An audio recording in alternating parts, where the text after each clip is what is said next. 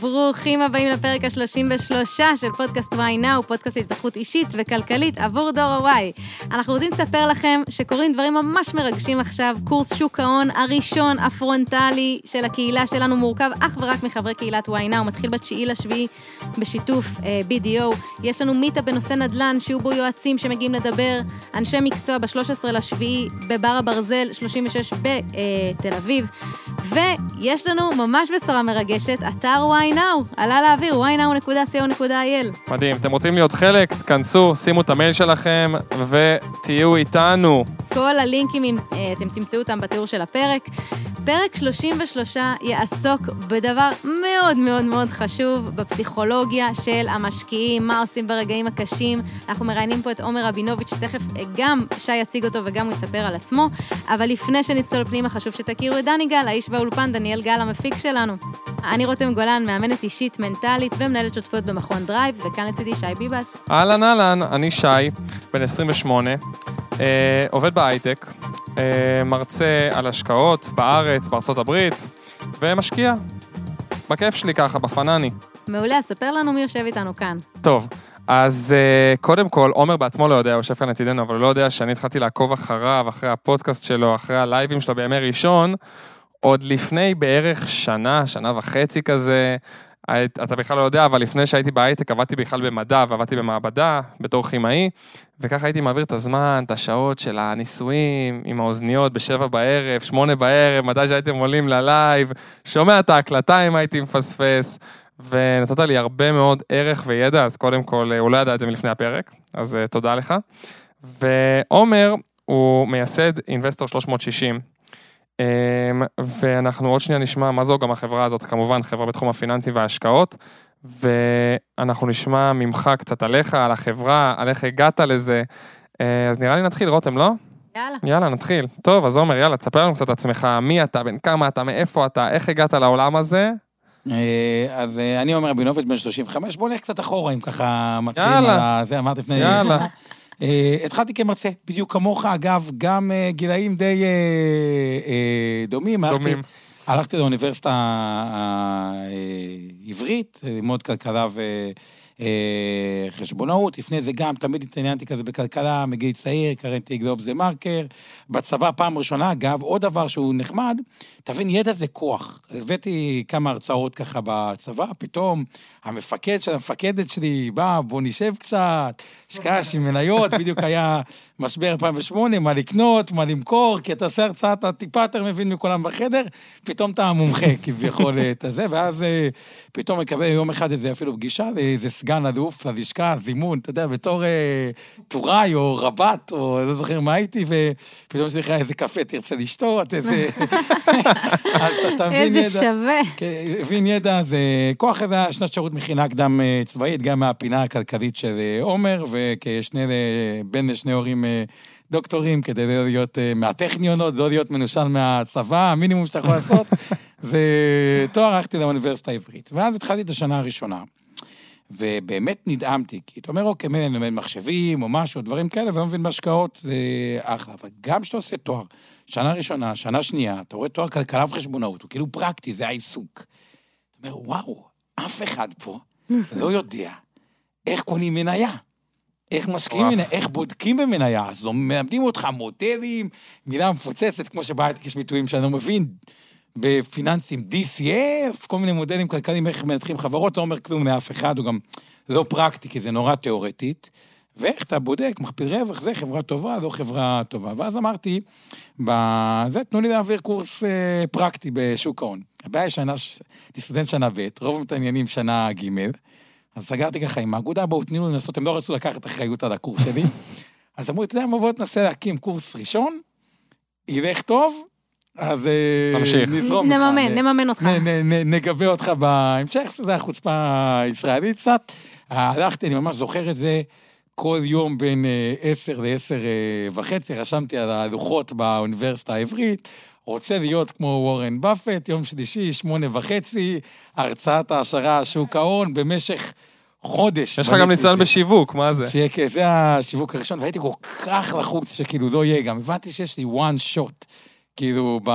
להקים את זה, וגם הייתה עוינות, ואנשים מהתואר גם מסתלבטים עליך, כמלחמה, מי בתור אתה סטודנט. ומה אתה עושה? מי אתה ומה אתה עושה? בכלל זה לקח חיים מאוד בכך להקשיב לכל הסביבה שלך ולהתייעץ עם אנשים קרובים, כי הרבה פעמים יפילו אותך ויורים, מה זה הסתלבטויות? אמרתי, יש לי one shot, מה אני אעשה? הלכתי, יש מזכירה שנקראת ענת, מזכירה מיתולוגית באוניברסיטה העברית, ואז אמרתי תקשיבי, יש מהאגודה, ביקשו לשלוח אה, איזשהו פורמט על הרצאת העשרה על אה, שוק הון, ביקשו שתשלחי את זה לכולם. הגנובה הזו את זה ל-15 אלף איש, תואר ראשון, תואר שני, דוקטורט, לכל האוניברסיטה עכשיו האגודה. היו שם, לא יכלו להיכנס לאולם, הגיעו איזה 200 איש, ואז פרסמתי את הקורס. עכשיו, זה מייצר, אמרתי, רק 30 איש. עכשיו, יש לך אולם 300 איש, רק מהסקרסיטי, נסגר באותו ערב הרשמה קורס מלא. לדעתי, זה... פעם ראשונה אמרו לי באוניברסיטה העברית, שקורס בתשלום לסטודנטים נסגר באותו, כאילו, ערב פולי בוקט נגמר. ואז אמרתי, מה הבעיה עכשיו? לא ידעתי אם זה יצליח או לא, הייתה רק בעיה קטנה. סגרת קורס, כולם שילמו, מה הבעיה הקטנה שנוצרה? שאין לך תוכן. אין קורס, כאילו, זה היה בערך, אין תוכן, זה כמו... אה, ואז אמרתי, רגע, רגע, רגע, בואו נחשוב מה... מה יעניין סטודנטים, קורס ראשון ואת הדברים האלה. ואז אמרתי, אתה יודע, מה הכי מעניין? ניקח על עצמי. נכניס את המספרים שלי, פחות או יותר מה אני אמור להרוויח, אז הייתה לי חברה אה, מתחום החשבונות, היום הם עשו לי מישהו דווקא מהייטק, אז לא, נסתבך פה יותר מדי, אבל אמרתי, "הנה, כן, נכניס אותי את המשכורות כביכול של רואי חשבון, שזה נורא נמוך בהתחלה, ואז עולה קצת ועולה קצת ועולה קצת, ונכניס תוצאות. עכשיו, אני בא מבית סבבה, לא סופר כאילו זה, אבל בית סבבה, כלומר, אחוז זה לא מילה גסה. או סקי זה לא מילה גסה, אז אתה מכניס בתכנון פיננסי באקסל, היה קורס אקסל, אוקיי, אה, שתי חופשות בשנה, חופשת סקי ועוד איזה חופשה טובה, ואוטו, ושכירות כאילו סבבה, ומכניס את כל הדבר הזה לאקסל. ואתה רואה, נגיד, אתה חוסך אלף, אלפיים, שלושת אלפים שקל אה, בחודש, אולי, בקושי, אה, אפילו את הדבר הזה, ואתה רואה הכל, ואולי אתה רוצה להפסיק לעבוד אה, לפני, ואתה מסתכל על אקסל, ומה המסקנה שאתה מגיע אליה? אתה לא יכול להפסיק לעבוד לעולם. מה? שאתה צריך לעזוב את הארץ, אין לך סיכוי, אתה גמור. יש מטוס לברלין, יש מטוס, אבל אתה, אתה, אתה כאילו... אתה בבעיה, בעיה אמיתית, ועוד ילדים, וכל ילד, לעזור, חתונה, דירה, שמתי, אתה אומר, בואנה, אתה חוסך ככה לעזור לילדים עוד, אתה, אתה, אתה לא מבין איך אתה מתנהל עם האירוע. ואז עשיתי דבר מדהים. לקחתי אפילו את החיסכון הקטן הזה, שהוא לא גדול, כמה... את הקרן השתלמות קצת, שחוסכים כל אחד, אם מישהו מכיר ככה שמפרשים קרן השתלמות, ועוד טיפה חסכונות, ושמתי על זה מספר קסם שנקרא 8% בשנה. ופתאום ראיתי שבמקום לגמור אה, בגיל 87 זה היה הומלס עם... אה, בלי בית וכאילו גיים אובר בהנחות, ב-8% לשנה, אתה מסיים את החיים, גם החיסכון הקטן הזה, במונחי חיים של 90, 18 מיליון או 22 מיליון, מספרים שכאילו, אתה... היום אתה לא חושב בכלל בסקאלה הזאת. אי אפשר, קשה להבין, זה הכוח של הריבית דריבית, כאילו, הוא מפחיד. ומאז כל החיים נתקע איזה משהו שמלווה אותי, אוקיי, איך אני מסר על כל ההשקעות?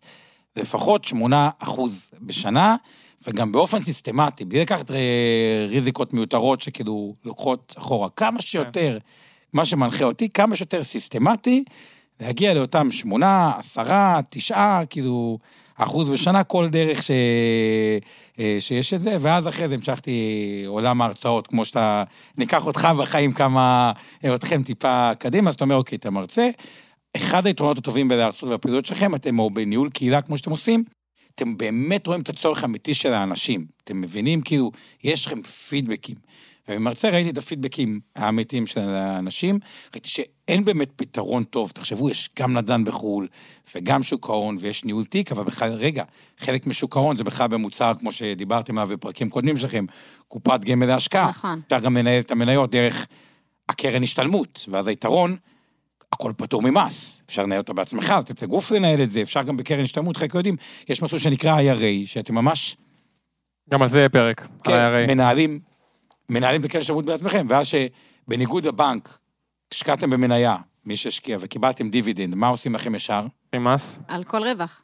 מס, יש לכם שותף, מס הכנסה, הופ, טק, מס על הרווח.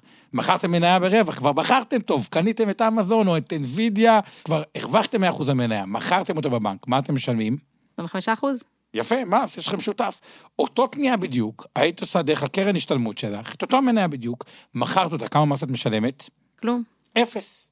אז כאילו, את אותה פעולה אפשר לעשות הרבה יותר נכון רק דרך הקרן ההשתלמות. ומה הרבה עושים? את הקרן השתלמות שמים סולידי או מסלול כללי, כן. את המניות בבנק משלמים מקסימום מס, וזה מתחיל להיות סלט, כי יש באמת הרבה גורמים, ורגע, איפה נכנס בכלל כל הסיפורים האלה, זה שקיימת דירה טובה ב, ב, ב, אה, בחו"ל או בארץ, שאפשר מינוף על משכנתה, כלומר, נוצר מצב, כמו בהרבה תחומים, של ריבוי יצרנים, ובריבוי יצרנים תמיד יש תחושה של בלבול, עד שמגיע איזשהו אה, אגרגטור. כן. שעושה, נגיד, אמזון הוא אגרגטור של מוצרי אה, אונליין. כן. ועם החזון הזה אני הבנתי בצורה יחסית די מוקדמת, שיש צורך בשני דברים, שזה התבססה אינבסטור. אחד זה אגרגטור, כלומר בסוף תוכנה או מקום שמראה לך תמונה מלאה, גם מנגיש ככה את כל האפשרויות וגם יודע לתת לך דוחות על הכל. גם על העסקה בחו"ל שעשית או שלא עשית, וגם על הפנסיה, וגם על ההשתלמות, וגם על הכסף הנזיל, שזה צורך מאוד מאוד חזק. מה הבעיה השנייה ש, שיש בארץ, שעליה, שהחלטתי את האינבסטור? ראיתי, רגע, בעיקר אנשים אה, שמתעניינים, מאוד מאוד קשה לפעול, לא מתוך מקום של הבנה ולא מתוך מקום של ידע. עכשיו, הלימוד הזה הוא גם מאוד חשוב, כי הוא מאפשר לבן אדם לפעול, והגדולה בהשקעות היא לפעול, היא לא לדעת. הרבה אנשים באים ומסבירים כמה הם יודעים, והנה זה המוצר הזה, קופת גמל, ומה עשית? כלום. לא, לעשות, לא עשיתי כלום, שזה בדיוק מתחבר לנושא המנטלי שאת מלמדת. כלומר, הגדולה היא לקחת ידע ולהצליח לעשות אותו. פעולות. בתוך עולם, שעולם ההשקעות הוא טיפה שונה מדברים אחרים, של מעט חוסר ודאות, ולחיות עם זה טוב. אז לקחתי את עולם האגרגציה, את עולם התוכן וידע של לאפשר לאנשים לפעול, וחיברתי אותו לתוך מה שנקרא היום אינבסטור, שתמיד הושתת על ללמד, חינוך פיננסי, או חינוך להשקעות ואת הדבר הזה. long story short, אה, הלך טוב, ואחרי אה, שש שנים מרגע ההקמה, מנהלים כשתיים וחצי מיליארד שקל. אה, חלק ממשקיעים גם העולם הזה, אנשים שמכרו חברות, עשו אקזיטים, הרבה הייטקיסטים מהבחינה, והדגש הוא מאוד מאוד על הבנה, פרקטיקה וכו'. וגם לכם, כשאתם מתחילים, אתם נכנסים לדעתי לעוד מהפכה שנקראת תוכן איכותי וקהלי יעד אה, מפולחים, אני חושב שהעתיד שלכם גם ככה, הסתכלתי קצת לפני זה על הפודקאסטים, ומה שאתם עושים, אני חושב שהעתיד שלכם הוא יותר גדול ממה שאתם חושבים, רק אני אומר את זה, ויהיה מעניין לראות אה, איפה תהיו בעוד... אה... שש שנים. יאללה, נעשה עוד פרק עוד שש שנים, ונראה איפה אנחנו עוד שש שנים. פרק 282, עוד שש שנים מהיום. זהו, אז אה, אנחנו בפודקאסט, מי שמאזין לנו, יודע ש... עד היום דיברנו על הרבה מאוד אפיקי השקעה. דיברנו על שוק ההון, לקחנו את זה, גם עשינו פרקים על קופות גמל להשקעה ספציפית, ודיברנו על נדל"ן בארץ, ודיברנו על נכסים דיגיטליים, ודיברנו על מטבעות דיגיטליים, דיברנו על הרבה מאוד דברים. ואז אנשים בקהילה באו ואמרו לנו, תשמע, אחי, כאילו, מגניב, אבל עכשיו אני מושקע. איך אני מתנהל בתוך ההשקעה? הרי אנחנו תמיד מדברים איתם על, על אפיק ההשקעה, ואז אומרים, איך אנחנו מתחילים להשקיע? ואז אנחנו אומרים, אוקיי, השקענו. יש לי ביטקוין, יש לי מניה של אפל, סתם אני אומר. איך עכשיו אני מתנהל? מה קורה שהמניה נופלת? מה קורה שהיא נופלת באחוז? מה קורה שהיא נופלת בשישה אחוז? מה קורה שהיא נופלת בחמישים אחוז? מה קורה שהיא עולה בשמונים אחוז? אנחנו, אנחנו רואים מהקהילה שבהם אומרים לנו, תקשיב, אנחנו לא יודעים איך להתנהל במצבי הקיצון. ואנחנו רוצים לדעת איך ההתנהלות, איזה כלים אנחנו יכולים לקחת ולהתנהל איתם במצבים האלו, במצבי הקיצון, הן החיוביים והן השליליים. גם נוח לא בנה את התיבה שהתחילה המבול, הוא בנה אותה קצת... לפני. לפני. אז יש את שלב ההכנה, ואז אני אומר, מהו שלב ההכנה שכבר פותר 60-70 אחוז מהבעיה, ואז נדבר על החלק הלא פתור, שזה בדיוק כמו שהתייחסת. שיהיה קשר בין ה... מה אני משקיע לפלטפורמת ההשקעה. מה הכוונה? אם החלטתי להשקיע במניות, שמניות אמור להיות מאוד תנודתי, ועם תשואה גבוהה, נגיד עשרה אחוז בשנה, זה מה שמדדים. אז אתם מסכימים איתי שקודם כל, אם אני מעביר את כל הפנסיה שלי למניות, נכון שזה לא בשליטה שלי רגע, אבל כל הפנסיה, אז זה קצת יותר רחוק ממני, אז הסיכוי שאני אטעה ואמכור הכל בירידה יותר נמוך? נכון. אז הרווחת, יפה. עכשיו, אם אני לוקח את קרן ההשתלמות, ואותה נגיד מנהל במניות, בין אם בעצמי, בין אם בגוף אחר, אז כשאני מורווח הרבה למניה, אז אני לא מתבאס, ונגיד אני חושב שצריך למכור אותה. אז אני כבר לא מתבאס, רגע, יורידו לי מס, וזה יפגע, ואז אני אולי לא אמכור אותה, כי אני לא רוצה שיורידו לי מס, אני מתעסק רק בהשקעה, אז התאמתי בין פלטפורמת ההשקעה, ההשקעה עצמה. כן. אה, יפה, זה דבר אחד. דבר שני, זה להבין למה אנחנו משקיעים, ופה אני מחלק את ההשקעות לשתי עולמות תוכן. אחד קורא לזה השקעה אסטרטגית, ואחד זה השקעה טקטית. טוב, אז לפני שניתן שנייה לעומר לענות לנו על ההבדל בין אסטרטגיה, שנדבר על אסטרטגיה וטקטיקה, אנחנו רוצים להבין קודם כל, שתבינו מה ההבדל בין השקעה אסטרטגית להשקעה טקטית. אנחנו יכולים להמשיל את זה תכלס לכמו אסטרטגיה היא המלחמה, או ה... כן, אסטרטגיה היא המלחמה, וטקטיקה זה בעצם הקרב. כלומר, אסטרטגיה זה משהו שהוא הרבה יותר גדול, באיזה, במה אנחנו רוצים להשקיע, בנדל"ן, בשוק ההון, השקעה כזאת היא השקעה, השקעה אסטרטגית שאנחנו בוחנים אותה לטווח הארוך, בעוד השקעה טקטית זה מה אנחנו עושים בתוך המגרש הזה. כלומר, אם האסטרטגיה שלי היא השקעה בנדל"ן, הטקטיקה היא ספציפית ההשקעה הקרובה שאני עושה בדירה בדימונה. ההשקעה שאני עושה באותו זמן בתיק מניות כזה וכזה. עכשיו, בואו נתחיל מההשקעה האסטרטגית. אסטרטגית זה הבנתי, אני מבין, כל אחד אגב, מה שיפה באסטרטגיה זה כל אחד שונה בין בן אדם לבן אדם. יש את עולם, מה שנקרא Circle of אה, Confidence, כלומר, האזור שאני מבין יותר טוב, ואני מבין מה הכוונה, אני עובד עכשיו בתחום ה... אה, לא יודע מה, ה marketing, אני מבין שפייסבוק וגוגל בתחילת הגל הולכות להצליח אה, בגדול. כן. ואז, אם אני מבין את הגל, ואני עוד יודע אם אני בתוך התחום, הרבה פעמים יודעים גם לזהות את, המוביל, את המובילה בתחום, שזה ממש טוב, אוקיי?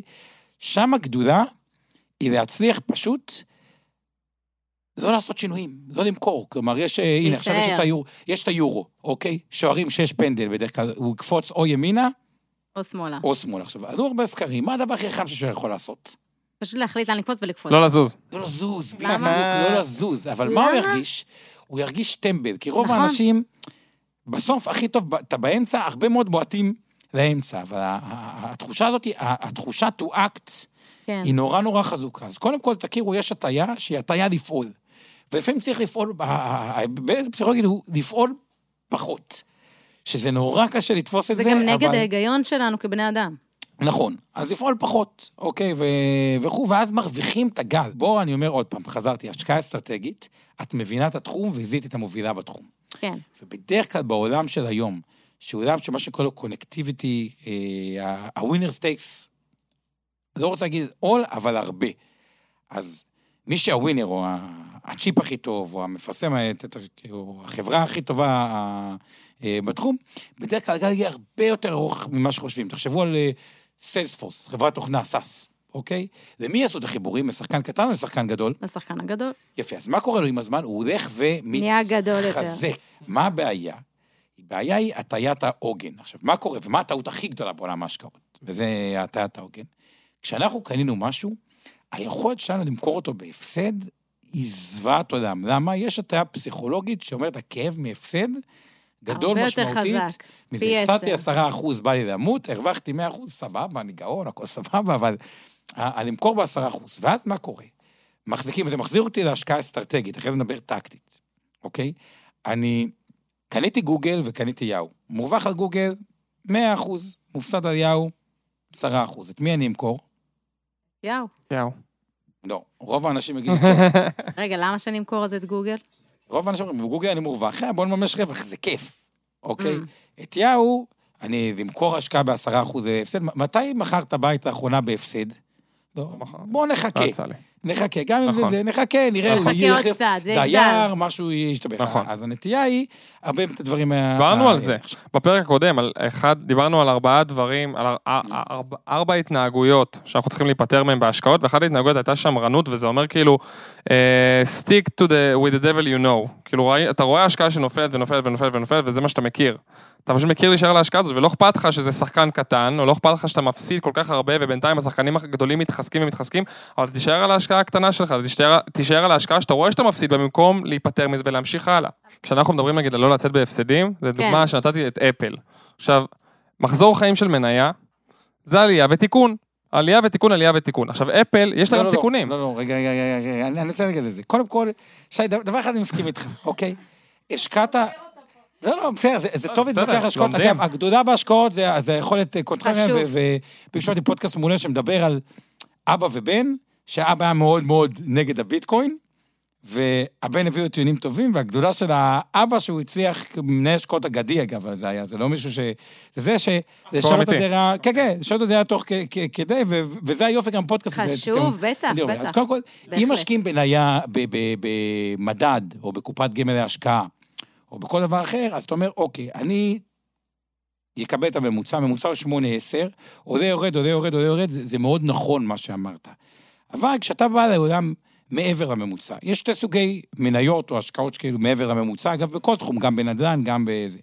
או שתפסת גל אסטרטגי, שאתה מבין אותו, ואז הגל, אתה לא מוריד בהפסד. כלומר, אם יש הפסד אחרי זמן, יש טעות באנליזה שלך, אבל אם אתה מבין את התחום, אתה אמור לדעת מי, יותר כן. טוב. ואז לקחת גל ארוך פה ואתגר, או שיש השקעה, מה שאני קורא טקטית. מה זה השקעה טקטית? אוקיי, הגיע, בואו ניקח דוגמה, אוקיי. מניות בנקים, יש פה, אני בטוח, לפחות מאזין אחד שיש לו כסף בבנק בפיקדון. איך אני יודע? לא מעט. כי במדינת ישראל, רק שתבינו את המספרים, יש ארבע וחצי טריליון היקף נכסי הציבור. זה מספר מפוצץ. ארבע וחצי טריליון פנסיה גמל השתלמות, את הדבר הזה, זה, זה, זה המון כסף. תחשבו, זה, זה, זה, זה, זה, זה באמת... מטורף. אי אפשר לתפוס את זה בכלל. אי אפשר לתפוס את זה. אגב, ו- וזה מאוד שמח, 1998 היה פחות מטריליון, כלומר, קצב הגידול בהון בארץ הוא מאוד מאוד גבוה, גם בגלל הדמוגרפיה וגם בגלל תשואות. מתוך הסכום הזה, תכף ניחוש, כמה כסף מושקע באג"ח המדינה, שזה אפס, לא נותן כלום, ופקדונות. שלושה וחצי טריליון. באתי להגיד לך 20 אחוזים. אז את לא כזה רחוקה, בערך שליש, 1.4 טריליון, כמעט. שליש מהכסף שוכב בכלום. למה אני אומר את זה? אז זה אומר שגם בפודקאסט פה, מי שמקשיב, יש מישהו, לפחות אחד שמקשיב, שיש חלק מהכסף ב... במזומן, ב- בפקדונות. עכשיו, אנשים חושבים שהבנק בטוח, שמים את הכסף באפס, שהם יכולים לקנות שקל של הבנק ב-70 אגורות, שהבנק מייצר 10 אחוז לשנה, ובאמת מתחילת השנה מדד הבנקים עלה ב-30 אה, אחוז, אזהרת סיכון קטנה, כל מה שאני אומר זה לא יהיה תחליף לייעוץ עסקי, אה, לייעוץ השקעות, לייעוץ השקעות או מתכנן פיננסי, כל דבר אחר, זה לטובת העשרה והבנה. אז מה בעצם יש לנו פה מבחינה פסיכולוגית, נעשה איזה סיכום ביניים. אחד, מבין תחום שהשקעה אסטרטגית, לתפוס את הגל, ואז יש לנו את ההטייה בחיים מבחינת פסיכולוגיה, לפעול, שהיא פועלת כנגדנו, אז קודם כל להכיר את ההטייה שאנחנו פועלים יותר מדי, ולא, ולהגיד, לפעמים זה בסדר להשאיר משהו לטווח הארוך, והזמן עושה את שלו במכפלות. לפעמים זה 5x על הכסף ו-10x על הכסף. יש לי לקוח שהיה, אה, מההיבט הזה, שהיה מאבטח. קנה בתחילת הדרך בביטקוין מספרים דמיוניים של ביטקוין, לא כאילו 100-200. כשהביטקוין עלה ל-40 שקל, אמרו לו, תשמע, אנחנו בבועת החיים, תמכור. אנחנו ב-40 שקל. קנה את זה ב- בדור, שתבין על מה אני כן.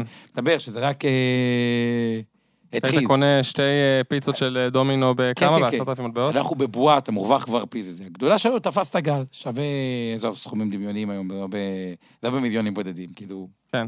בעשרות, והבן אדם היה מאבטח. או כאילו במשכורות, אני אומר מאבטח, כדי לחשוף אותו, זה לא בהכרח מאבטח, אבל משכורות.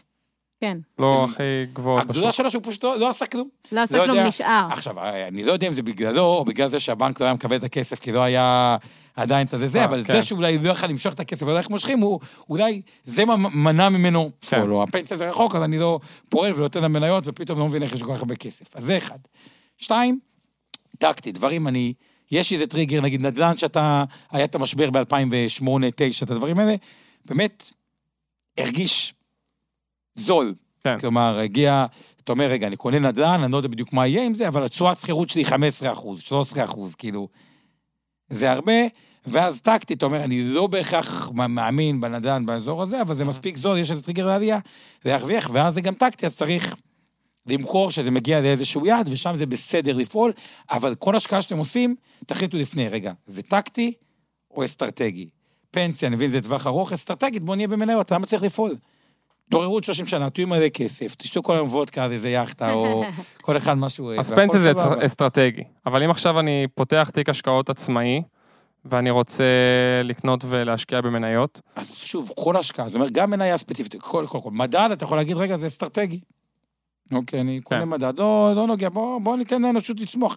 אגב, עכשיו, שואלים אותי, עומר, מאיפה יש לך, אני זוכר ממש שאלו אותי מהפה, מאיפה יש לך כזה ביטחון שהמניות יעלו לאורך זמן? מאיפה אתה כל כך בטוח? כן. אז אני אומר את הדבר הבא, והיא טענה מעניינת, אבל נורא פשוטה, אני אגיד את זה בצורה מאוד פשוטה, אבל הפשטות הזאת היא כל כך נכונה. מספר האנשים בעולם עדיין בצמיחה. זה אומר שסך הכל יותר אנשים רוכשים משהו, כלומר, זה יכול להיות אה, אוכל, ביגוד, הדברים, כלומר, סך ההכנסות של סך החברות בעולם גדל. כן. זה אחד, כי מספר האנשים אה, אה, גדלים. שתיים, למיטב הבנתי, כמו שאנחנו היום אה, פה, הנה, אנחנו עושים פודקאסט, או אני בטוח שיש לפחות בן אדם אחד ששלח היום וואטסאפ, ולא הודעת אס.אם.אס, או בכל מיני כן. כלים של טכנולוגיים או דיגיטציה שהם משפר. עכשיו, מה כל הטכנולוגיה עושה?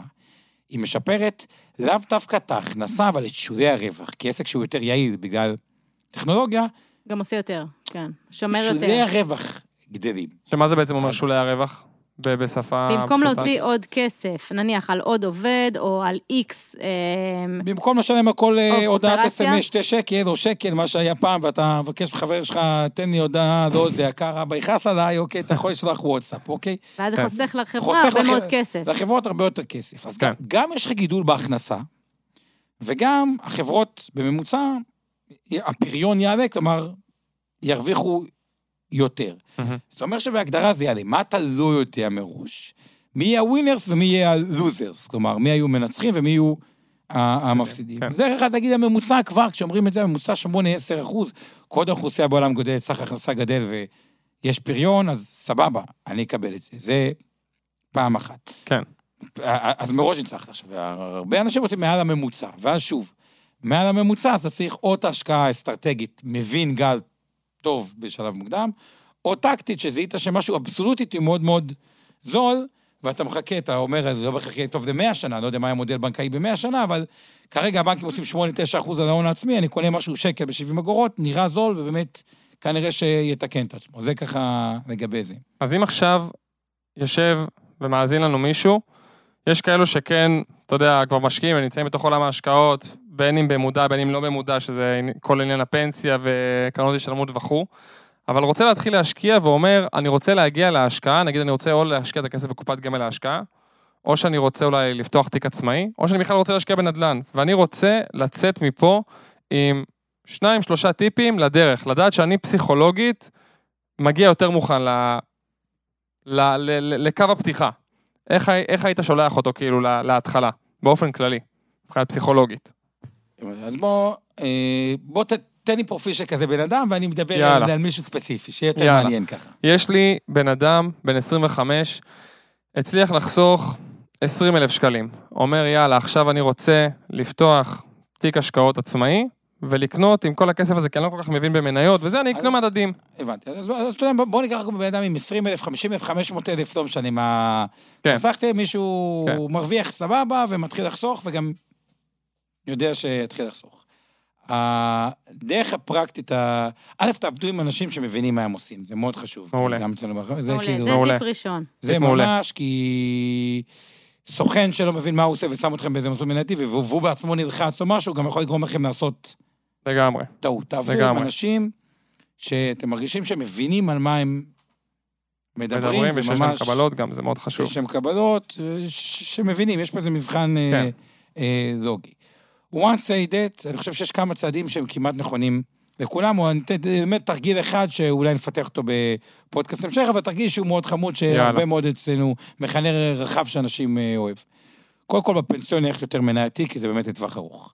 עכשיו, כל קרנות ההשתלמות שלכם, אה, אגב, קופת גמל להשקעה, פוליסת חיסכון, כל מיני מכשירים שמאפשרים דחיית מס, א', תכירו, מסלול כללי באופן וזה לא משנה איזה מוצר, זה קופת גמל השקעה, פוליסת חיסכון, למי שיש עוסק פטור או עוסק מורשה יכול להפקיד קרן השתלמות מעבר לתקרה, זה אומר לא רק את ה-18,000 שקל כן. בסוף שנה מי שעוסק, יש עוסקים מורשים שגם הפקידו בסוף שנה מיליון שקל או חצי מיליון שקל קרן כן. השתלמות, כי זה מאפשר דחיית מס אינסופית. כל המכשירים האלה עושים תשואה ממוצעת של, עשו 6% לשנה, בוא נניח, נניח בית שמאי, 4%. כן. בית שמאי. הכוונה worst case scenario. כן, אוקיי. לחומרה, לא בית הלל, יאללה, כן. זה 6, 7, 8, עשה את הדברים האלה. אוקיי. עכשיו, כנגד המכשירים האלה, הרבה פעמים אפשר לקחת מינוף ברמה של... מה זה ברמה? פריים מינוס חצי. מה זה פריים מינוס חצי, למי שלא מכיר? הריבית במשק היא 0.1. אוקיי. פריים מילה מפוצצת, אז בואו נפשט אותה. ריבית במשק 0.1. הגדרה של פריים זה אחוז וחצי מעל הריבית במשק, אז אנחנו באחוז נקודה שש. מהמם. ניקח מינוס חצי, אחוז נקודה אחד. כן. הלוואה זולה, סתם כדי להבין כמה משלמים, על כל 100 אלף שקל הלוואה, 100 שקלים בחודש החזר. לא מעט, אבל לא ימוטט. תחסכו איזה פופקורן וסרט, וזה זה 100 אלף. שקל שקלים כן. שאפשר לעבוד איתם. אגב, ההלוואה חוזרת לחשבון הבנק, אפשר לעשות איתם מה שרוצים, אוקיי? את ההשקעה הזאתי, קחו לתוך מה שנקרא השקעה אלטרנטיבית. זה יכול להיות דירה, כמו שאתה אומר, בחו"ל, אה, אה, או בית או משהו. ואז מה קרה לנו פה, כאילו, כדרך התחלה סיסטמטית? אני חוזר להתחלה, שהתחלתי, אמרתי, קו השמונה, גם עם חיסכון לא גדול, מוביל אתכם לאושר מאוד מאוד גדול כפונקציה של אה, הזמן. אמנם זה מרתון, אבל סכומים הרבה יותר גדולים ממה שחושבים. קיבלנו על קרן השתלמות 4-5 אחוז, וזה לא משנה אם זה קופת גמל, פוסט חיסכון או איזה מכשיר. יפה. קיבלנו על זה 80 אחוז הלוואה בריבית של אחוז נקודה אחד. השקענו את זה באיזושהי השקעה נדל"נית לצורך הפשטות, שגם היא עושה חמישה אחוז לשנה, קצת שכירות, קצת עליית ערך. כן. אז חמש או ארבע, פחות אחד ועוד חמש וארבע, ביחד אנחנו כבר בכל האזורים האלה שמונה, תשע אחוז בשנה. קל להבין את זה, כי קרנות השתלמות פוזיט חסרון קיימות 20 שנה, אז זו סטטיסטיקה, מי שרוצה יכול לראות את הטווח הארוך. הגדולה שם היא לא לגעת, לא לעשות את ההטייה כן. של לשנות. נדל"ן קיים אלפי שנים, מיליוני שנים, לא יודע איך לקרוא לזה, אבל הרבה שנים. אמור לעשות, שוב, עם איש מקצוע שאתם סומכים עליו, לא ככה עם הליווי הנכון, גם בשביל הפשטות, 4-5 אחוז בשנה, ו... או אפילו יותר בתקופות מסוימות. ומאוד פשוט, 5 ועוד 5 פחות 1 זה בערך 9, 8, 7 עם אה, גם פחות טוב, וניצחנו. זהו, אז הפנסיה עשה תנודתי 8-9 אחוז, כי זה מניות. לקחנו מסלול כללי, הוא גם פחות תנודתי. עכשיו, עוד יתרון של מסלולים כלליים בכל המכשירים לדחיית מס, יש בהם כל מיני פרויקטים אלטרנטיביים, כמו תשתיות כביש 6, נגיד, שייך להם. עכשיו, כביש 6 יורד, עולה השוק, עדיין עושים בו. אה, תשתיות, מי שמכיר תחנות הכוח בדליה, גם יש הרבה השקעות אלטרנטיביות שמאזנות אותו. אז יש גם מניות, עושה את ה-4-5 אחוז, מינוף באחוז, משהו נדל"ני, נגיד, זה דרך די פשוטה. ויש אצלי בחור שגם לקוח באינבסטור וגם עובד איתו, ועם זה ככה נראה לי צריך להתחיל להתכנס מבחינת ה- הזמנים, שבהייטק, משכורות סבבה, הוא ואשתו, כאילו, הוא היה בהייטק משכורת סבבה, אשתו פסיכולוגית משכורת סבבה, אבל מה זה, פחות או יותר עשה את התרגיל הזה, שילוב של נדל"ן בארצות הברית, דירות אה, להשקעה, וקצת אצלנו למד כל הקטע של הפוליס המינוף לצורך העניין, את המכשיר המינוף. כן. הבן אדם בגיל אה, קרוב ל-50, יצא ממרוץ עכברים, לא צריך לעבוד יותר, ניצח את המשחק, שהקודם משכורות סבבה והשקעות טובות משנת 2000 עד ל-2021. עומר, דבר אליי תכלס. עכשיו אני בן אדם פשוט, פרטי, רוצה לעשות את הדבר הזה אצלך, להגיד לך, קח, זה ההון שיש לי, תעשה לי. כן, לא. עובד? בטח עובד, זה מה זה, זה יש מאות, מאות אה, אוקיי, אז אנשים או, ש- זה- זה, בזה אנחנו. נסיים. עובד, עובד, זה פשוט, זה, זה נגיד משהו ש... אדם כמוני עובד. כמוך רוצה לבוא לאינבסטור, להגיד, עומר, שומע, הבנתי, יש לך מלא ידע, זה מה אני רוצה, זו המטרה שלי, זה מה שאני יכול להשאיר לי בצד, זה מה שאני יכול לשחק איתו עד סוף החיים שלי. אתה יודע לעשות את זה, ו- וזהו, וזה אצלך. כן, זה, זה אצל הלקוח, זה עבור הלקוח, ובאים בסוף אנחנו service provider, אנחנו נותני שירות, כן. הכסף הוא שלך, אבל כן, לשאלתך, כן. מדהים, מדהים. האמת היא שאני חושב שזה פרק מאוד מאוד חשוב, וכל הדברים שנתת פה, קרן השתלמות, פוליסת חיסכון, נדל"ן בארצות הברית, כל הדברים שהזכרת פה ככה, מאוד לא דיברנו עליהם, מינופים, מינוף. ודיברנו לא מעט על מינופים, אבל אנחנו הולכים לעשות גם פרקים על כל אחד מהדברים שהזכרת פה, גם על קרן השתלמות, גם על נדל"ן ארצות הברית, גם על פוליסות חיסכון, אז כל מה שאתם עדיין לא מכירים ולא יודעים באמת מה זה אומר, אנחנו נעבור על זה ונדבר על זה מההתחלה, אבל השורה התחתונה היא, צריך לדעת מה אנחנו עושים, ואם לא, אז להשתמש באיש מקצוע שאנחנו סומכים עליו ויודעים שיש לו קבלות, ובסופו של דבר, אמ, דיברנו פה על כמה דברים, על, השקע, על השקעות אסטרטגיות, ודיברנו פה גם על אמ, הרבה מאוד כלים שאספנו במהלך הפרק, לאיך אנחנו מתמודדים עם עליות, איך אנחנו מתמודדים עם ירידות, ואיך אנחנו גם לומדים למנף את הכסף שלנו בצורה מאוד יפה כדי להרוויח תשואות יותר גבוהות מאשר השקעה אחת בנפרד, אפשר לשלב עוד השקעה ולהביא ביחד, בעזרת מינוף, לתשואות הרבה יותר טובות. אז אני רוצה להודות לעומר. תודה רבה שהגעת, לעומר. בשעה תודה כזו מאוחרת, איזה איתנו. כיף. תודה רבה, וזה, ועוד דבר אחרון, common sense, הרבה פעמים בהשקעות, common sense, תרגישו ביטחון, כמו שאני עושה את זה בצורה המנטלית, common sense הוא הרבה פעמים אה, לגמרי. מאוד מאוד עוזר, ו- ולבנות את הביטחון. קיצר, תודה רבה על האירוח, ו... תודה שבאת. תודה לך, אנחנו ממש מעריכים את כמות הידע והכלים שנתת כאן. תודה שבחרתם אתם זמן להקדיש אה, לעצמכם ולהאזין לפודקאסט why now. תוקירו את עצמכם על זה שהחלטתם לפתח את עצמכם אישית וכלכלית. אם אהבתם את הפרק, שתפו אותו בבקשה עם אדם אחד שאתם מכירים ואוהבים. צלמו מסך כשאתם מאזינים, תייגו אותנו בסטורי why now פודקאסט או בפייסבוק, זה ממש עוזר, ובאמת רק בעזרתכם נצליח לגדול ולהיות משמעותיים עבור הדור שלנו, ולהגיע יחד לכמה שיותר בני ובנות דור ה-Y. נתראה בצמד הפרקים הבאים, ותמיד זכרו, why now? כי אין זמן טוב מעכשיו להתקדם לעבר החיים שאתם באמת באמת רוצים לעצמכם.